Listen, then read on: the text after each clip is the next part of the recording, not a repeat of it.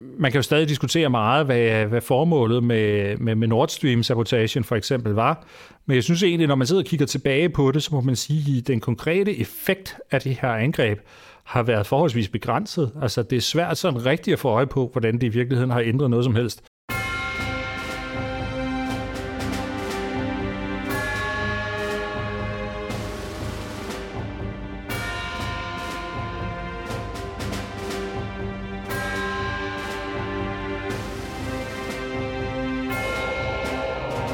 Goddag og velkommen til endnu en udgave af Krigskunst podcast, hvor vi hver måned taler om et aktuelt militært eller sikkerhedspolitisk emne med skiftende eksperter. Mit navn er Kasper Vester, og jeg er til daglig journalist på Olfi og producerer podcasten sammen med militæranalytiker Anders Pukken Nielsen. I dag har vi øh, til en forandring ikke nogen gæst med, da Anders får lov til at være ekspert, og vi skal tale om hybridkrig, og i særdeleshed maritim hybridkrig, efter der igen øh, nu har været nogle episoder med ødelagte gasledninger og datakabler, og denne gang er det sket ved Estland og Finland. Men før vi øh, tager hul på den diskussion, så vil jeg lige som jeg plejer slå en streg under, at øh, vi, der medvirker i podcasten, kun giver udtryk for vores egne meninger, og altså ikke tale på vegne af nogle organisationer, som vi har en forbindelse til. Og med formalie ud af verden, så lægger jeg den over til dig, Anders. Ja, jo, tak skal du have. Øhm, ja, som du siger, så er den nu gal igen i Østersøen. Der er gået hul på en gasrørledning mellem Estland og Finland, og desuden så er der nogle datakabler mellem henholdsvis Estland og Finland og Estland og Sverige, som er knækket på en eller anden måde. Uh, og det kommer selvfølgelig i kølvandet også på sabotagen øh, mod Nord Stream gasrørledningerne sidste år, som stadig ikke er opklaret. Og det ligger jo så op til en diskussion om, hvad er alt det her hybridkrig for noget? Hvad er formålet med det, der foregår, og hvad betyder det egentlig for vores samfund og forsvar? Og så øh, før vi går i gang, så vil jeg også lige annoncere, at det her øh, den her udsendelse, det er faktisk er et forsøg på lidt selvpromovering, også fra vores side. Det er sådan, at Kasper og jeg, vi har skrevet en bog, hvor vi dækker alle mulige emner om moderne krigsførelse. Den hedder Krigens Logik, og den udkommer lige om lidt. Um, og uh, det har vist sig faktisk, at det der med at skrive en bog, det er, det er temmelig meget arbejde. Uh, og så har vi selvfølgelig talt om, at når bogen så var klar, så vil vi også på en eller anden måde dække det i Krigskunst podcast. Men vi synes alligevel, det var lidt for meget at afsætte en hel udsendelse til bare at uh, tale om vores egen bog. Uh, så i stedet for, så har vi valgt at tage et af emnerne fra bogen, og så gøre det til en udsendelse. Og, uh, og det er så sådan, at vi har et helt kapitel om hybridkrig, Uh, og når du så det var helt aktuelt med situationen i Østersøen, så synes vi, det var oplagt at tage det op.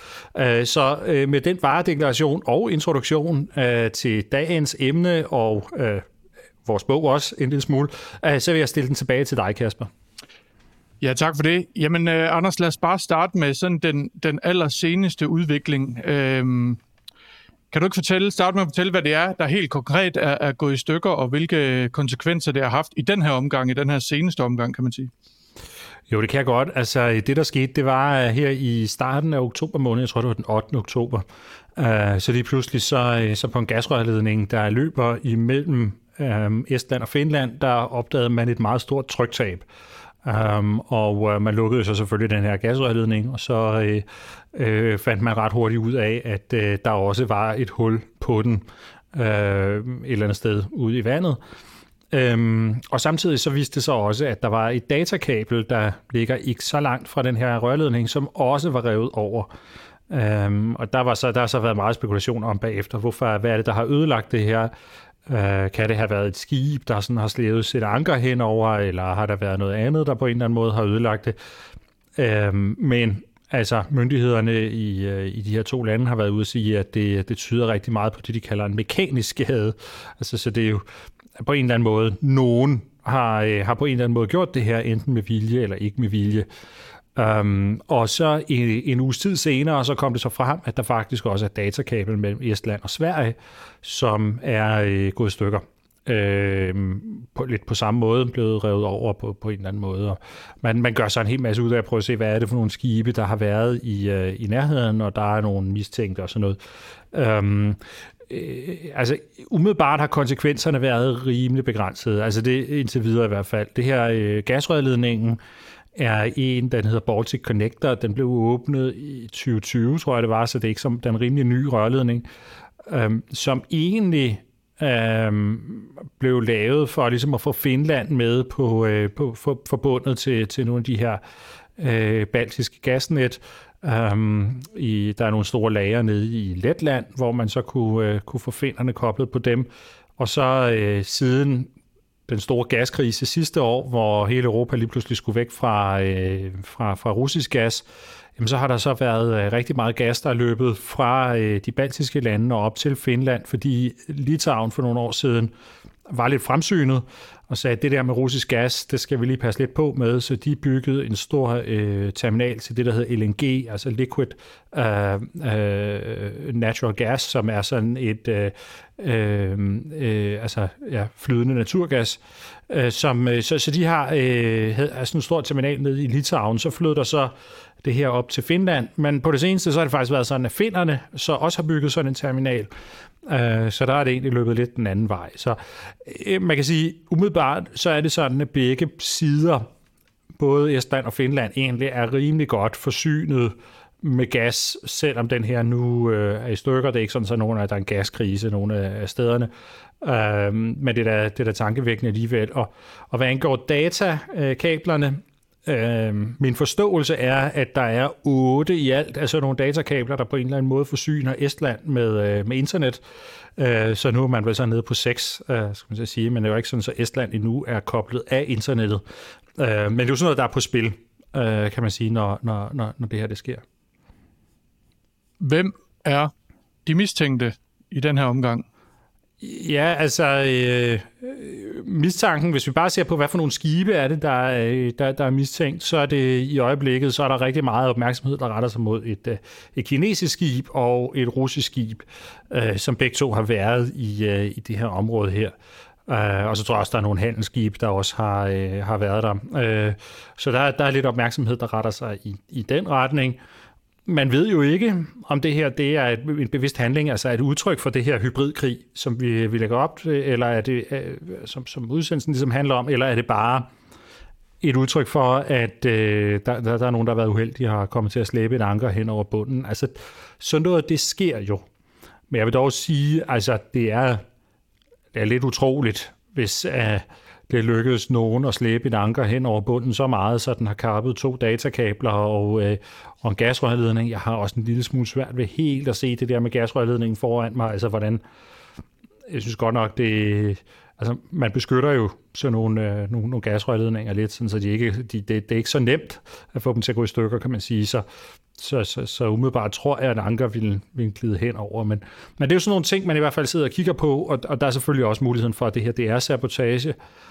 Øhm, og NATO har været ude sådan lidt at komme med nogle udmeldinger om, at hvis det viser sig at være sabotage, jamen, så tager man det meget alvorligt, og øh, så vil der komme en eller anden form for, for modsvar. Men altså, nu må vi se, hvad, hvad de finder frem til.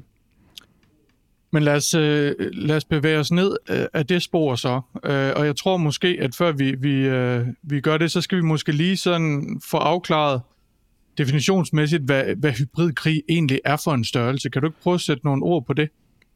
Jo, det kan jeg godt. Altså, hybridkrig er jo noget, der virkelig er kommet op i tiden, øh, kan man sige. Vi snakker enormt meget om det. Vi taler øh, øh, rigtig meget om det i, i, lige, lige for tiden, fordi der er den her krig mellem Rusland og Ukraine, og, og risikoen for hybridangreb og sådan noget. Øh, men, men altså, øh, der, der er mange ord for det her også, hvis I hybridkrig. Øh, det er så bare det, der ligesom virker til at have vundet øh, konkurrencen om, hvad skal vi kalde alt det her, men alle mulige andre begreber, øh, politisk krig, øh, gråzonekrig og hvad ved jeg, som, som også har været brugt til at prøve at beskrive det her fænomen. Og jeg tror, når jeg skal forklare, hvad det handler om, så plejer jeg ligesom at, at tage udgangspunkt i sådan to, øh, hvad skal man sige, øh, to dimensioner eller karakteristika ved det. Um, det ene, det er, at man på en eller anden måde mixer uh, det, man kan kalde uh, midler og sårbarheder på tværs af samfundets sektorer. Uh, så det vil sige, det er ikke bare krig, hvor vi har militære styrker mod militære styrker, men det er, hvor man siger, øh, hvis vi tager alle statens magtmidler, øh, øh, siger, hvad, hvad, hvad har vi af ting, vi kan påvirke modstanderen med, jamen så er der også noget, der er nogle politiske ting, vi kan bruge til at lægge pres på. Vi kan, man kan måske øh, øh, bruge noget jura til at genere hinanden med. Man kan måske i informationsrummet noget informationskrig. Man kan prøve øh, på, på alle mulige måder at ramme dem med økonomiske sanktioner, alt sådan noget der. Så alle mulige midler, vi har til at påvirke modstanderen, og så er der så en række sårbarheder, hvor man ikke nødvendigvis går efter fjendens militær, men altså også kan gå efter at ramme deres øh, øh, samfund øh, på, på andre måder. Altså det kan være at ramme skade økonomien, det kan være skade sammenhængskraften, det kan være øh, destabilisere øh, landet øh, politisk, det kan være øh, på en eller anden måde at øh, og, og, og, og prøve at ramme i informationsrummet også, ikke? Altså, øh, og på den måde få nogle effekter ud af det.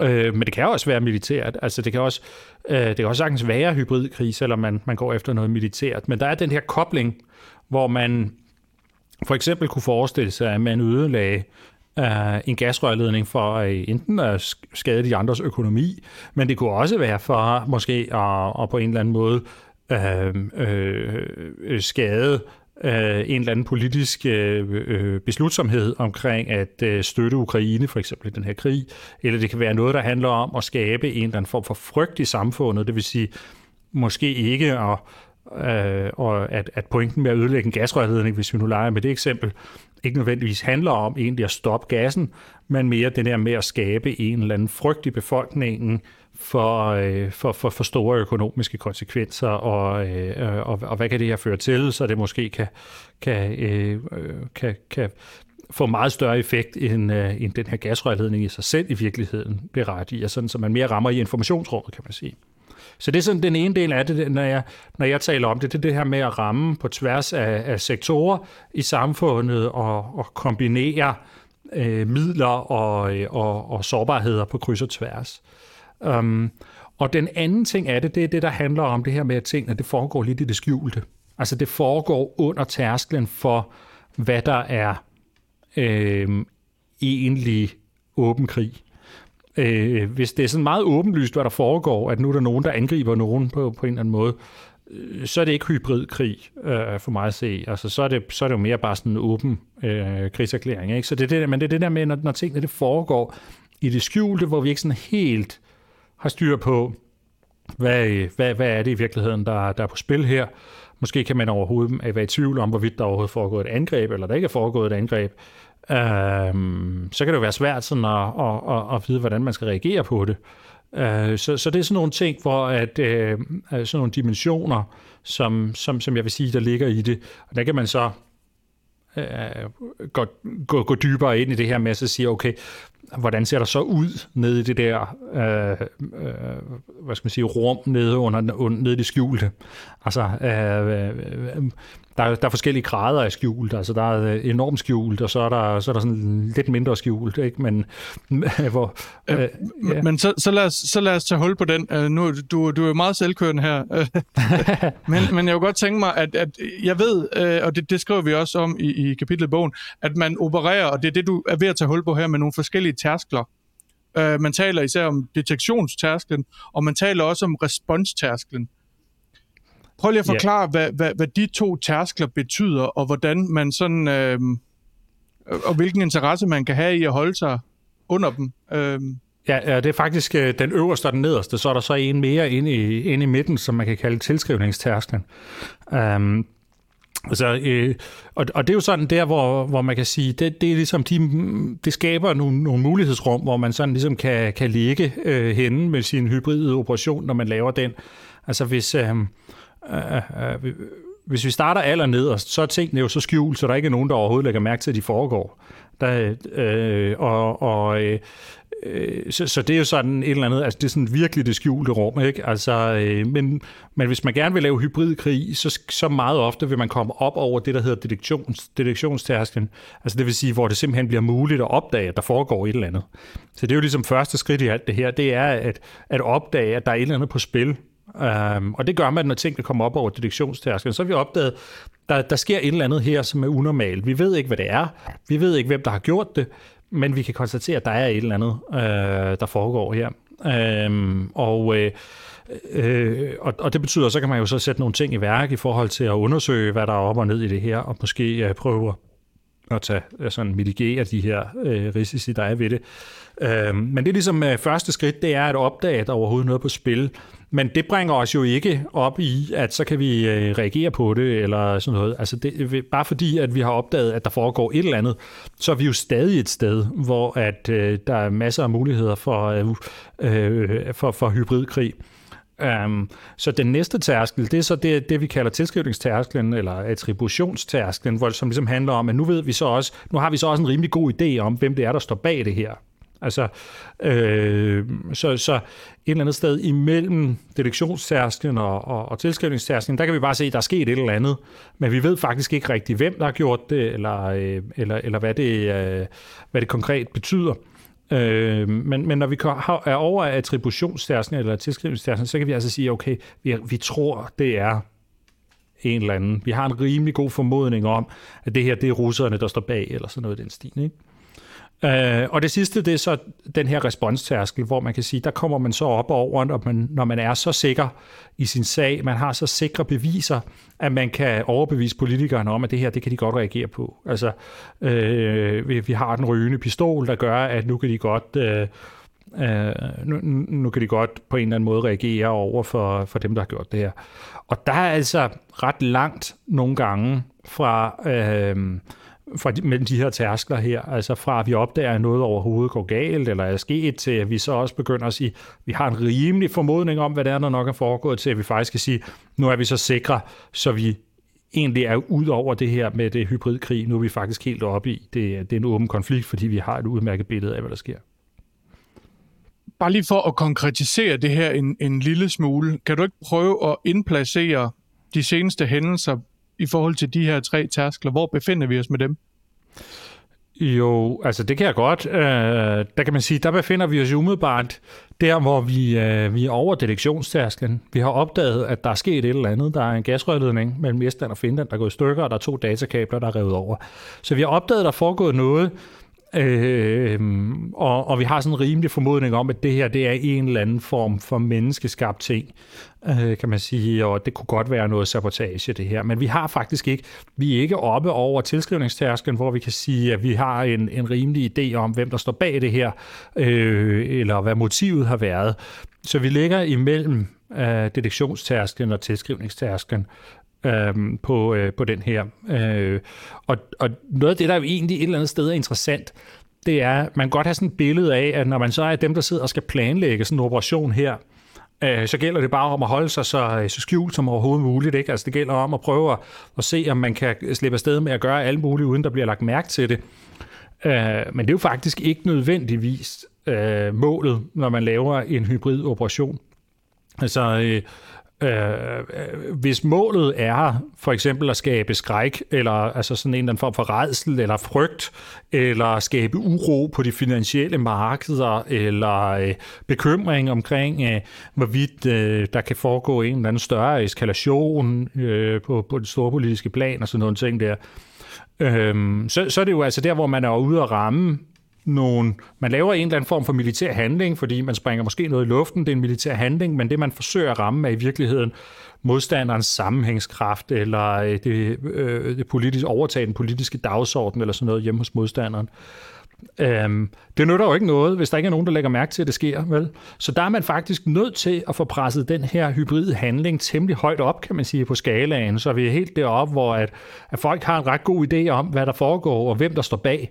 Så vi skal ikke nødvendigvis helt op over, hvad skal man sige, responstærsten, hvor vi, vi fjerner enhver tvivl. Altså man vil måske gerne have en eller anden form for, hvad kan man sige, mere eller mindre plausibel øh, øh, øh, mulighed for at benægte og sige, det, det var i hvert fald ikke mig, og jeg ved ikke, hvad det er, I, I, øh, hvad det er, I, I finder på der. Uh, men man vil faktisk gerne så højt op, så modstanderen dybest set godt ved, hvad det er, der er foregået. Uh, og sådan, så man får den der effekt i samfundet. Ikke? Er det ikke meget vanskeligt at finde den balance, tænker jeg? Altså, det er jo en balancegang på en helt anden måde, end hvis du fyrer en raket ind fra et territorium ind i et andet, ikke? Jo, det kan det være. Altså, det kan være rimelig svært at ramme det der. Øhm, og, øh, øh, og det kræver jo et eller andet sted også, at altså, at modstanderen reagerer, som du gerne vil have det. Øh, at modstanderens befolkning spiller med på det her, der du nu har lavet, eller øh, øh, Øh, øh, og og jeg, jeg synes i, i virkeligheden også, så er det måske også øh, så svært at, øh, at håndtere, at, at man godt kan diskutere, hvor stor effekten egentlig er. Altså, øh, øh, man kan jo stadig diskutere meget, hvad, hvad formålet med, med, med Nord Stream-sabotagen for eksempel var. Men jeg synes egentlig, når man sidder og kigger tilbage på det, så må man sige, at den konkrete effekt af det her angreb har været forholdsvis begrænset. Altså, det er svært sådan rigtigt at få øje på, hvordan det i virkeligheden har ændret noget som helst. Øhm, så, øh, så, så det er faktisk, det kan faktisk være ret svært at ramme øh, den der balance, hvor man får skabt den her effekt. Øh, så sådan på papiret, der kan det her godt lyde super smart, at øh, vi sidder et eller andet sted, og så udregner vi præcis, hvis vi trykker på den her knap, så gennem otte led, så sker der det her over i, i modstanderens samfund, som, øh, som skaber de her gavnlige effekter for os. Øhm, men, men i virkeligheden kan det faktisk godt være ret svært at, øh, at, at få hele kæden af, af ting og sager til at, øh, at fungere. Så kunne jeg godt tænke mig at, at spørge dig, hvordan man som samfund øh, bedst imødegår de her hybride trusler. Vi kan jo lige starte med det konkrete, altså med, med for eksempel sådan nogle angreb på undersøisk infrastruktur. Øh, du nævner selv øh, Nord Stream-sprængningerne øh, sidste år. Nu har vi de seneste øh, mulige sabotager i hvert fald ved, ved Estland og Finland. Er der overhovedet nogen... Øh, kan man effektivt imødegå det her, hvis vi lige tager udgangspunkt i den her type i hvert fald? Jamen, det kan man jo godt. Altså, jeg tror, der er to ting i virkeligheden, som, øh, som, som ligger i det. Det ene, det er jo på en eller anden måde at forebygge, at øh, sådan nogle angreb, de sker. Øh, og det kan man jo gøre ved at have et, øh, en god overvågning af, hvad der foregår. Altså simpelthen gøre det svært for, øh, for, for modstanderen at slippe afsted med at, at lave ting, uden at det bliver afsløret. Øhm, så, så det er jo sådan noget med, når der ligger nogle skibe og sejler rundt mistænkeligt, jamen, så er man måske relativt hurtigt ude med sine egne skibe, der ligger ved siden af og sådan noget, og, og kigger på dem. Øhm, og øh, og det, det, det forhindrer dem. Det gør jo så, at så kan de så ikke begynde at lave dykkeroperationer for eksempel. Og sådan noget, ikke? Altså, så, så det er jo ligesom en ting, man kan sige, man kan på, på den måde forebygge, øh, hvad der foregår, gøre det svært for modstanderne at slippe afsted med det her, ved at have en eller anden form for beredskab. Sådan. Og den anden del af det, tror jeg, det er det, det øh, man kan kalde resiliens, altså som handler om at øh, acceptere, at vi er sårbare på nogle områder, og at øh, ting kan ske, men at hvis det sker, så, vi, øh, så, så, så er konsekvenserne ikke katastrofale af det. Altså så har vi nogle andre forsyningsveje, vi kan samfundet kan fortsætte, og vi er ret hurtige til at øh, øh, få, øh, få, få repareret de her skader. Altså hvis vi ser på, hvordan kom ukrainerne for eksempel gennem øhm, øh, sidste vinter med de her øh, russiske øh, missilangreb på deres, øh, på deres kraftforsyning, det gjorde de ved, at de havde nogle elektrikere, der var helt vanvittigt hurtige til at, at lappe de her øh, ødelagte elledninger sammen igen. Og det er jo sådan nogle ting, som også skaber den her robusthed i samfundet, at vi måske sørger for ligesom at tænke igennem, altså øh, som, som Dan, Danmark, vi skal måske ikke bare nøjes med at bygge én kæmpe stor vindmøllepark, som producerer al vores energi, og hvor der løber et kæmpe kabel. Så hvis det forsvinder, så, så, så øh, er vi virkelig på den. Ikke? Men hvis vi har mange forskellige energikilder, øh, så er det måske ikke øh, så stor en katastrofe, at der øh, kommer en eller anden form for øh, udfald på, på en vindmøllepark, som betyder, at der vil være 14 dage, hvor at den ikke lige virker. Jeg kunne godt tænke mig lige, før vi, vi, vi kommer til at dykke lidt mere ned i, i resiliens lige om lidt, men sådan i forhold til, jeg, jeg synes, den første måde at imødegå de her trusler på, du nævner, altså det, det kan jeg jo godt øh, forstå sådan her, men, men, men er det ikke meget teoretisk? Jeg tænker på, hvordan gør man rent praktisk? Fordi man er åbenlyst ikke lykkedes i forbindelse med Nord Stream. Der er åbenlyst også lige sket noget igen. Uh, vi har i et tidligere afsnit af Krigskunst podcast talt om, hvordan at man i Danmark har 4.000 km undersøiske rør og kabler, som vi har meget svært ved at holde øje med. Uh, der er den her fælles nordiske dokumentar, uh, Skyggekrigen, hvor man har dokumenteret, hvordan russerne i virkeligheden er meget, meget interesseret i, hvad der løber af kabler, og hvad der er af, af kritisk infrastruktur, energiinfrastruktur i, i øh, de forskellige landes farvand og i internationale farvand osv. Altså, kan man rent praktisk imødegå det her, udover selvfølgelig ved i teorien at sætte et skib ud, hvor, hvor man kunne forestille sig, at der kunne ske noget?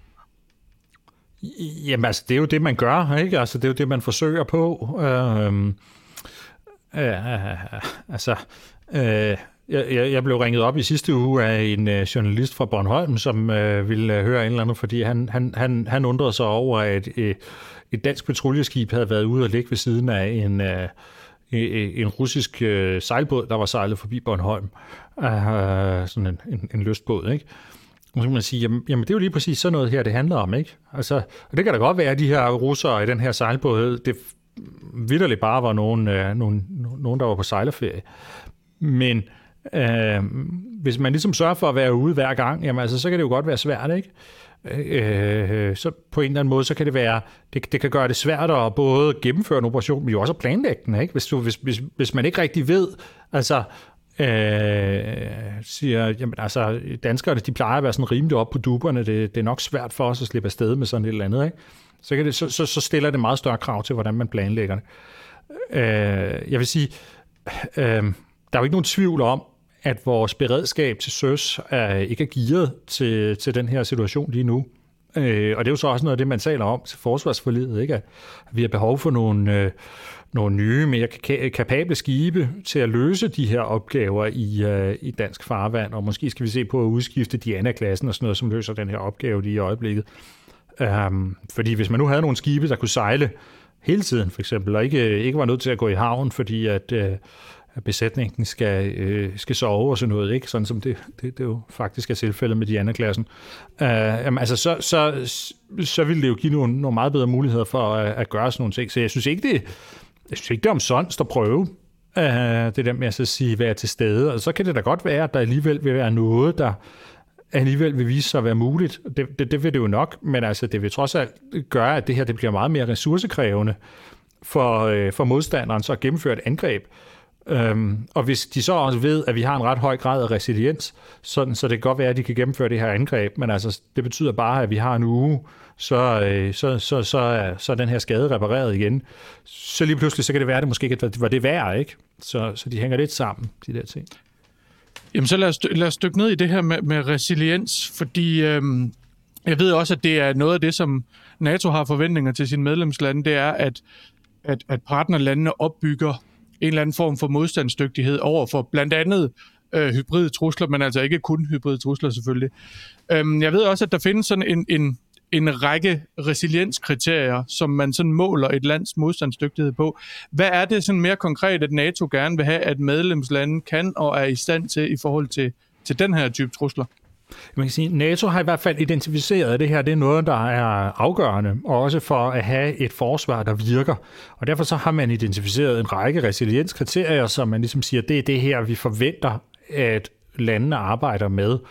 Øhm, og det er i virkeligheden den, den fulde pakke af det, vi har snakket om her. Ikke? Men altså, det er altså noget med, at man sikrer sig, at, at landenes, øh, landene har en eller anden modstandsdygtighed i forhold til at kunne fortsætte regeringsførelsen, for eksempel.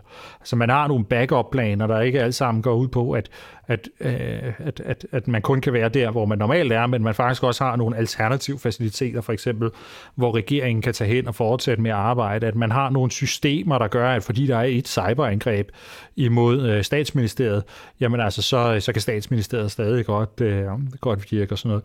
Øh, at det er, det er noget med, at man sørger for, at man har øh, øh, systemer, der kan sikre madforsyningen for eksempel til befolkningen, øh, i tilfælde af, at der er nogle, nogle store øh, øh, på en eller anden måde forstyrrelser af, af, af forsyningen, øh, at man har øh, øh, på alle mulige måder en, en robusthed i forhold til energiforsyning og alt sådan nogle ting. Så der er en række kriterier, man har stillet op fra NATO's side, og det er jo i virkeligheden det, man i dag skal tænke ind i og sige, det her det er også en del af, end det, man kan kalde NATO's artikel 3, øh, eller det, så, som, altså, øh, som, som handler om, at landene skal kunne forsvare sig selv. Vi taler rigtig meget om NATO's artikel 5, som er den her musketeriet om, at alle skal komme til hjælp, hvis, hvis nogen bliver udsat for et angreb.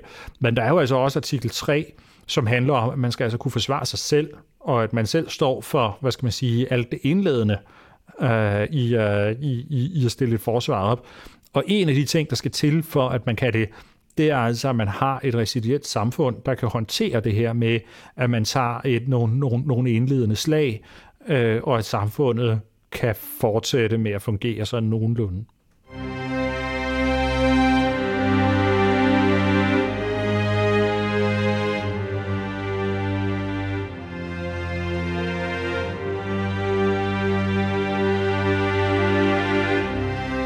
Kunne godt tænke mig lige at vende tilbage til, til Nord Stream, fordi det er jo formentlig det eksempel på, på den her type øh, krigsførelse, eller den her type angreb, som, som sådan er mest top of mind hos, hos folk, og det fyldte rigtig, rigtig meget i mediebilledet.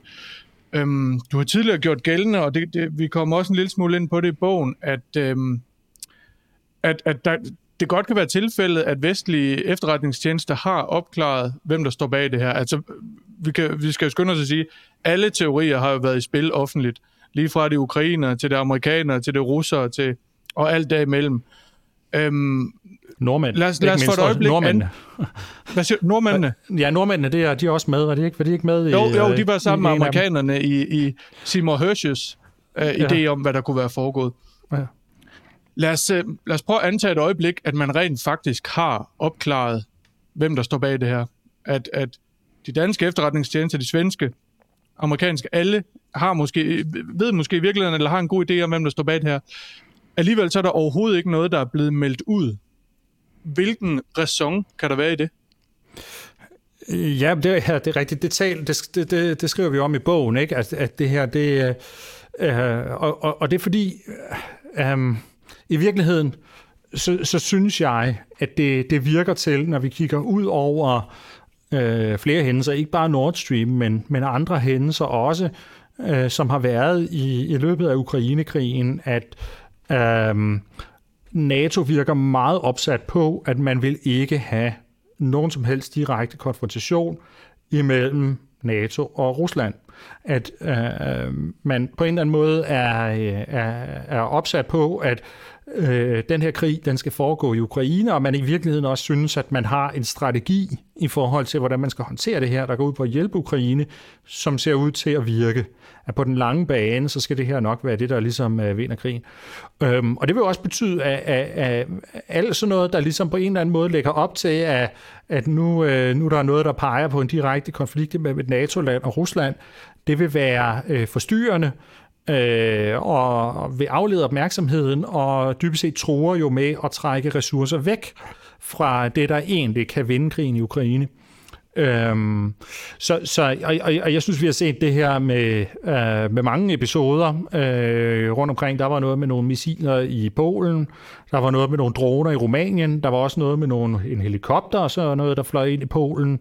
Øh, jeg synes, vi ser det med Nord Stream. Øh, alt det her bliver simpelthen bare dysset ned.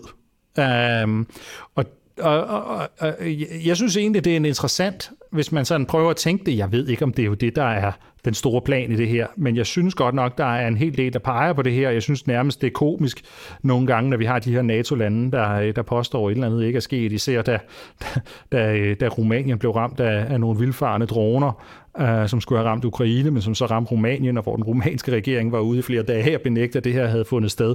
Øh, og, og vi havde faktisk lidt det samme i Polen også, da der var nogle helikoptere, der fløj ind over grænsen fra Belarus og, øh, og fløj en pæn tur rundt der, og polakkerne også var ude og sige, nej, nej, det er ikke sket i hvert fald. Og så lige pludselig, så var der alle mulige polakker, der, der havde stået og taget billeder med det her, som slet op på sociale medier, og så pludselig sagde regeringen sådan, ah, ja, det, det kan så også godt være, det, øh, nu, det er vi også meget sure over. Øh, altså, øh, det, som, det som på en eller anden måde, jo hvis vi ser det i forhold til alle de her tærskler, øh, som jeg snakkede om før i hybridkrig, det er jo egentlig, at det man gør, det er i stedet for ligesom at prøve at skubbe tingene op over responstærsklen, sådan så man kan øh, sige, nu er vi det her, nu, nu er vi så sikre på, øh, hvem det er, der står bag det her, så vi virkelig kan, kan på en eller anden måde svare igen. Så det man gør i virkeligheden, man skubber tingene ned under detektionstærsklen, sådan så det er ligesom om, det overhovedet ikke er fundet sted. Øhm, og så på den måde, hvis det, det, det, det og jeg, jeg må sige, jeg synes faktisk, det, altså hvis det er sådan, det, hvis det er det, der foregår, så synes jeg faktisk, det er ret godt tænkt, fordi det jo netop sørger for, at, at vi så ikke får nogen af de der øh, effekter i andre sektorer i samfundet. Jo, der er en gasrørledning, der er gået i stykker, men, øh, men det har jo ikke ført til sådan vidtrækkende konsekvenser på, på, på, på andre måder. Øhm, så, så det er sådan det, jeg spekulerer lidt i, om det, det hænger lidt øh, sammen øh, på den måde. øh, at, at, at det er det, vi ser.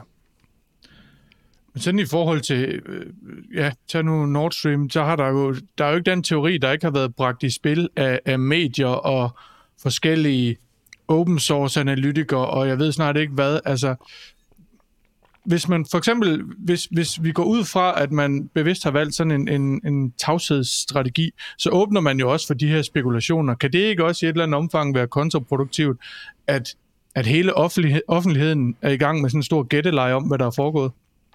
Jo, jeg ved nu ikke, om jeg, hvor, mange, hvor mange jeg i virkeligheden synes, der er engageret i det der. Altså det der, den teori, der ligesom får mest øh, genklang i øjeblikket, det er jo den her historie om nogle ukrainere, der har lejet en sejlbåd øh, i, øh, i Tyskland, og så har sejlet op og har placeret de her øh, sprængladninger. Øh, den er der tyske medier og sådan noget, der har, der har spillet meget på. Og det, altså... Øh, øh, øh og jeg synes egentlig, at vi kan, vi kan, vi kan godt snakke om den, øh, den her teori, Øhm, fordi det, den, er jo, den er jo interessant nok, øhm, men jeg, jeg må indrømme, jeg har det sådan lidt med det, at jeg synes, der er, altså, øh, øh den, der, der er bare nogle ting i den, som, som for mig øh, på en eller anden måde øh, virker mærkelig. Altså, men tanken er jo, at det skulle være nogle øh, ukrainske ikke-statslige aktører, som på en eller anden måde har valgt at lave det her, så i virkeligheden det, man kan kalde en form for ukrainsk øh, terrorgruppe eller sådan et eller andet, ikke? Øh, som, som på en eller anden måde har, har, har stået bag det her for at sikre sig, at Tyskland ikke kan blive ved med at købe øh, russisk gas. Jeg tror, det er det, der sådan er, er pointen i det, og så har man ligesom valgt at, at springe de her øh, rørledninger. Øhm, altså, det første, jeg synes, man skal hæfte sig ved ved det der, det er, at det her det jo er en fantastisk belejlig forklaring for alle de vestlige lande. Uh, altså, det sidste, man i et land som Danmark eller i NATO i det hele taget har lyst til, det er at skulle pege fingre af Rusland i, uh, i den her situation. Det værste, der kunne ske, det var jo, at der var en eller anden rygende pistol, der pegede mod Rusland. Fordi så ville det lige pludselig begynde at skabe alle de der effekter i samfundet, ikke? med folk, der diskuterede og, og blev bange, og øh, øh, nu skal vi også nu, nu er vi nødt til, at vi kan ikke sende så mange ressourcer til Ukraine, fordi nu er vi nødt til at bruge dem til at sikre os selv, og hvad ved jeg, øh, uro på de finansielle markeder og alt sådan noget. Så, så det her, den her forklaring med, at det er faktisk nogle ikke-statslige aktører et eller andet sted, det er simpelthen den bedste forklaring, man overhovedet kan finde på, øh, hvis, man, øh, hvis man sidder i Vesten. Så det, det, det, det er helt vildt genialt, øh, det her. Så det er sådan den ene ting af det. Øh, vil du sige noget? Ja, det virker, og det, og det, og det var egentlig, at, at det var ikke for at starte en masse gætværk eller spekulation i, i vores podcast. Det var mere for at prøve at forstå den her bagvedliggende logik ved, hvis man ved noget, ikke at sige det. Logikken ved ikke ved at, at, at gøre det, det er jo i virkeligheden, at man så kan benægte modstanderen den her effekt, man sørger for. Du snakkede selv om, kan det ikke være svært at ramme rigtigt i forhold til de her tærskler? Øh, i, øh, i, i forhold til, hvor er øh, hvordan man, man, man designer sin operation, sådan så man får lige præcis den effekt, man gerne vil have. Og det kan jo godt være rigtig svært. Øh, og, og lige præcis det her med så, at simpelthen bare benægte, at noget er fundet sted, kan jo være en måde at sørge for, at modstanderens forsøg på hybridkrig rammer forkert i forhold til de her tærskler. At man simpelthen bare øh, øh, i stedet for at ramme der, hvis den her, hvis, hvis vi nu tager øh, det, som jeg må sige, stadig måske tænker, måske nok er den mest plausible forklaring øh, på, på det her Nord Stream for eksempel, det vil være, at det, det, det var Rusland, som har gjort det her for at skabe uro øh, på, øh, på, øh, på de vestlige markeder, øh, og, og, og noget frygt, og prøve at puste til en, en gaskrise og sådan noget, som, som var under opsejling på det tidspunkt. Um, hvis det skulle lykkes, så skulle man ramme ind imellem tilskrivningstærsklen og, øh, og, og, og responstærsklen. Det vil sige, der skulle være så stor sikkerhed i samfundet om, at det nok er det her, der er sket. Men det skulle alligevel være sådan, så at det var ikke helt deroppe, hvor at at det her det udløste en eller anden form for stor aktion eller sådan noget fra NATO's side mod Rusland. Ikke? Så man skulle ramme ret præcist op det med et sted, hvor, hvor der i hvert fald var udbredt konsensus om, at det her det nok var Rusland, der stod bag, men man ligesom manglede den rygende pistol hvis man så skubber alt det her så langt ned, så at øh, der bare bliver en stor forvirring omkring det her, og man har 100 forskellige forklaringer, der kører derude, og ingen kan rigtig sige, om det er det, er det her nu nordmænd, eller var det ukrainerne, eller hvem er det egentlig, der har, øh, der har sprunget de her gasrørledninger, ikke? Jamen, så, så har man faktisk poleret modstanderens operation, fordi han får ikke det ud af det, som han gerne ville. Så det var ligesom, øh, det, det, det er ligesom min tanke om, om, om, omkring det. Anders, så, så må du lige prøve at forklare mig, hvorfor øh, du er så overbevist om, at, at den her øh, seneste øh, teori om øh, de ikke-statslige ukrainske aktører, den slet ikke kan passe. Jamen, det kan jeg jo heller ikke vide, vel? Altså, men jeg vil sige, det er sådan en af de der diskussioner, som jeg synes, det er svært at tage, øh, fordi jeg har sådan et, et, et indtryk af, at den foregår et eller andet sted i et vakuum af information, hvor der nok er nogen, der ved mere, end, øh, end vi ved i det offentlige rum.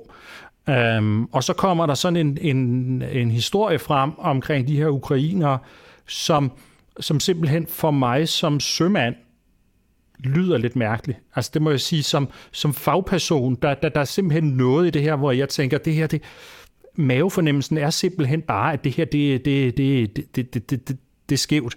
Og det, for mig at se, er det faktisk ikke, fordi jeg ikke, altså fordi jeg er så forhippet på, at det, øh, det nødvendigvis skal være Rusland, og det var det, jeg øh, ligesom uh, tænkte mig frem til i starten. Men jeg synes, øh, øh, det første, jeg vil sige, det er, at det, det, det der med at lave sådan en militær operation, vil være helt vildt svært.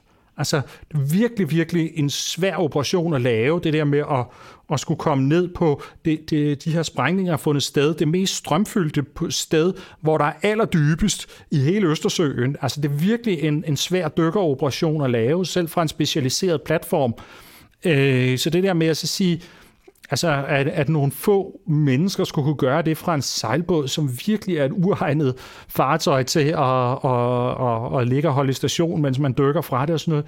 Det er bare, ah, altså, det kræver nogle det, det, det, det vil kræve nogle operatører, som var simpelthen helt i verdensklasse, at kunne gøre det her. Og samtidig så synes jeg, at det er en, en, en militær plan, som, som har så mange svagheder. Der er så mange ting, der kan gå galt i løbet af det her. Der er sådan nogle, så mange ting, man tænker, hvorfor vælge det allermest besværlige sted overhovedet i hele Østersøen og springe den her, i stedet for at tage et, et af de andre steder, der var meget nemmere og sådan nogle ting. Altså man kan sige, øh, der, man, der er simpelthen lavet en, en militær plan, der går ud på, at man skal slå 10 sekser i streg. Øh, og, og det er bare ikke sådan, man laver militær planlægning. Så det er sådan nogle ting, der, der skuer i ørerne på mig. Det der med at sige, nu har vi altså den her forklaring om, om nogle ukrainer i en sejlbåd, som går ud på, at øh, at, at vi har nogle verdensklasse operatører, men til gengæld nogle eklatante amatører i, øh, i militær planlægning. Det, det, det, det, kan, det kan ikke være rigtigt, simpelthen. altså, øh, øh, og, og, det, og det er derfor, jeg sådan tænker, det, det, der, der er sgu for meget ved den der forklaring, som jeg synes er, er underlig det er nogle temmelig velrenommerede tyske medier, der har bragt teorien til tors. Øh, ZDF og Der Spiegel, så vidt jeg husker. 19 journalister fra begge medier. Tror du, den her teori er plantet hos dem?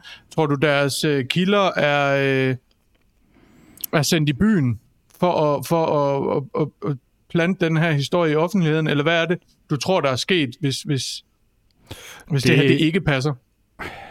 Jamen altså, der er jo, det, der er jo det kan man jo spekulere meget over. Ikke? Altså, jeg tror bestemt godt, at det, det vil ikke komme fuldstændig bag på mig, uh, hvis, uh, hvis det her det var, var plantet. Altså, skal sige, det, det tror jeg godt, at vestlige efterretningstjenester kunne finde på sådan noget. Uh, uh, jeg, jeg tror, det, det ville heller ikke komme sindssygt meget bag på mig, hvis det her det i virkeligheden var en dækhistorie, uh, som var en del af, af, af en oprindelig plan, som i virkeligheden handlede om nogle andre, men at hvis vi nu leger med sådan noget med at sige, at russerne lavede det her i virkeligheden med nogle mini-ubåde, men så fik de også lige nogle ukrainere til, til at, at sejle rundt med en sejlbåd, for at man på en eller anden måde kunne skabe øh, den her, hvad skal man sige, plausible deniability, uh, som, som man kunne bruge til noget. Ikke? Øh, og så at, øh, at der er nogen i Vesten, der bare har sagt, den der, den kører vi med. Altså, jeg, jeg ved det ikke, og jeg kan jo heller ikke fuldstændig afvise, at det kan være rigtigt, øh, at det faktisk er de her ukrainere, der har gjort det. Jeg vil bare sige, at der er så mange ting omkring det, som, som for mig som, som sømand, som militær fagperson, sådan siger, altså, det, det er godt nok en, en mærkelig måde at udføre militære operationer på, hvis det her det er, hvis det her det er rigtigt. Altså, det, det, det, det skuer simpelthen i, øh, i, i øjnene. Okay, nu, nu hvor vi er i gang med spekulationerne, Anders, så kunne jeg godt tænke mig at spørge dig. En, en anden af de forklaringsmodeller, der har været fremme i offentligheden, det er, at amerikanerne kunne have en interesse i det her. Tidligere der var øh, Joe Biden, den amerikanske præsident, ude at sige, at hvis russerne gik ind i Ukraine, så ville man sætte en stopper for Nord Stream 2-rørledningen. Altså, det skulle han nok sørge for, eller det skulle amerikanerne nok sørge for. Den tror du ikke på. Hvorfor ikke det? Jamen altså, øh, det sagde han jo i starten af februar der i øh, 2022, altså inden at inden i, i Ukraine startede. Og tre uger senere, så stoppede tyskerne jo Nord Stream 2. Øh, det, de gik ind og, og, og, og træffede en politisk beslutning om, at man ikke ville give de her godkendelser til, at Nord Stream 2 kunne, kunne blive taget i brug. Så man siger, Nord Stream 2 var jo lukket allerede, og man kan sige, altså for mig at se, havde amerikanere ligesom nået det mål. Og det man jo også skal huske på, det er, at, at Nord Stream 2 er jo faktisk ikke ødelagt. Uh, altså hver af de her Nord Stream 1 og 2 består af to rørledninger hver. Uh, Nord Stream 1 er helt ødelagt. Altså der er begge rørledninger ødelagt, men Nord Stream 2, der er det sådan set kun den ene af dem, der er ødelagt. Og det betyder, at hvis, hvis, hvis tyskerne i dag træffer en politisk beslutning om, at nu vil man gerne åbne den, nu giver man de her tilladelser, øh, så kan der begynde at flyde gas igennem øh, Nord Stream 2 i morgen. Um, så, så, så øh, det er derfor, jeg synes, det der citat, det er, det er sådan lidt... Øh, øh, der, der, der er rigtig mange sådan ting i, om, omkring det, jeg ikke rigtig synes er... Altså, det, det virker ud af kontekst på en eller anden måde, fordi på en eller anden måde, så var Nord Stream 2 allerede ødelagt, og det var jo øvrigt mest af alt Nord Stream 1, der blev sprunget i luften.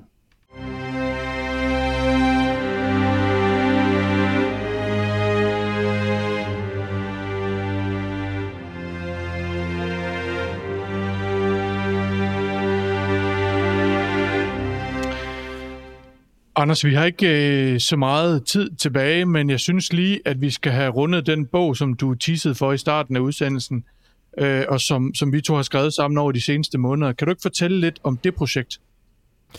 Jo, øh, det kan jeg godt. Øh, det er en bog, som er en, hvad skal man sige, en, en, en grundbog for, for moderne krig. Altså øh, alt, hvad skal man vide, hvis man... Øh, hvis man gerne vil, vil forstå krig noget bedre. Det er jo ikke en akademisk bog, altså det er, det er, det er en folkelig bog, øh, forklaret i et øh, sprog, hvor forhåbentlig alle kan være med, og hvor vi sådan går igennem øh, de, øh, de, de, de vigtigste ting, altså lige fra øh, sådan de mere politiske, øh, med hvordan, øh, hvordan fungerer øh, sikkerhedspolitik, og øh, hvad, er, øh, hvad er formålet med krig, og hvorfor har man militære styrker, og sådan noget, og så over til, hvordan så fungerer så krigen, øh, hvad skal man vide om, hvad skal man vide om, om luftkrig, øh, landkrig og søkrig, ja, fremtidens krig, ja, atomkrig, alle mulige sådan emner, øh, som, øh, som, som man sådan kommer igennem, og det er jo,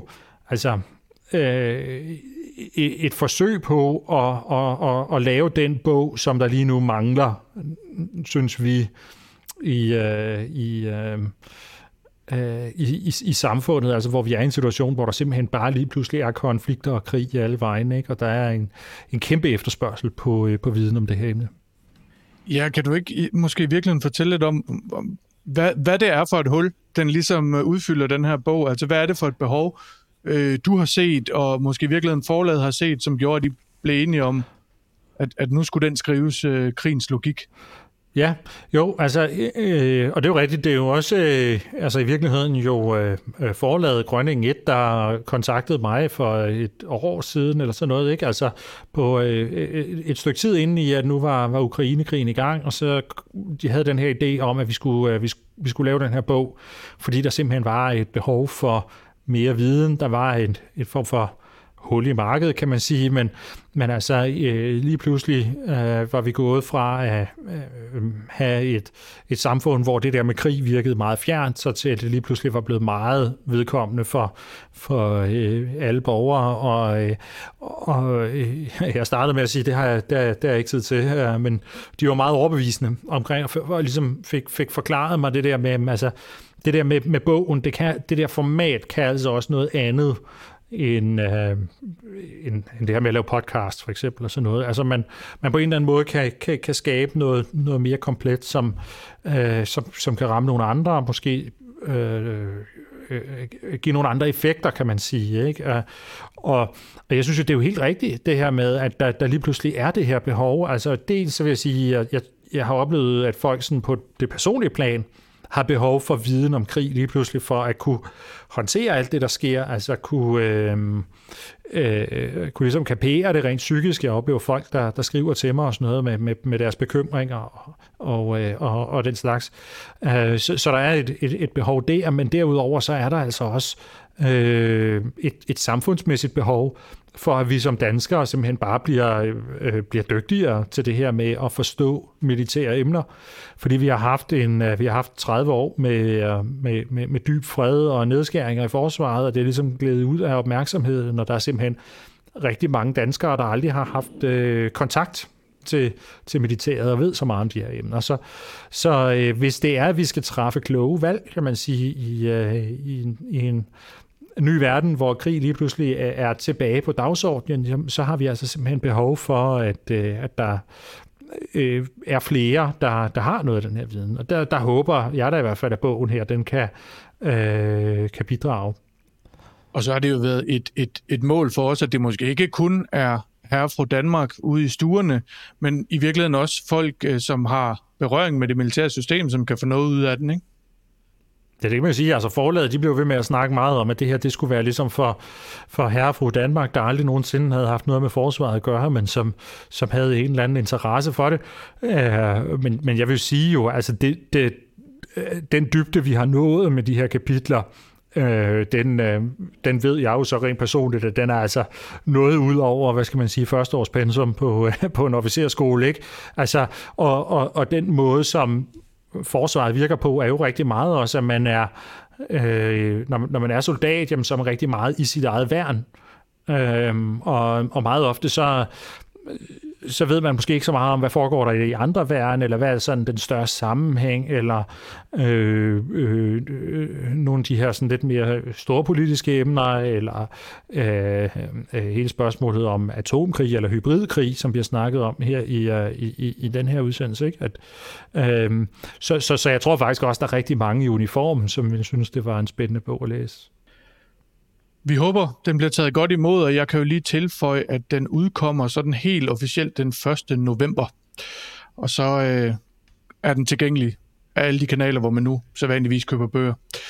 Anders, jeg tror, vi er nået til øh, vejs ende, øh, og til jer, der har siddet og lyttet eller set med derude, hvis I ikke allerede abonnerer på Krigskunst podcast, så kan I gøre det ved at gå ind på krigskunst.dk og finde et link til jeres foretrukne podcast-afspiller. I kan også følge os på YouTube, hvor der som bekendt er billede på.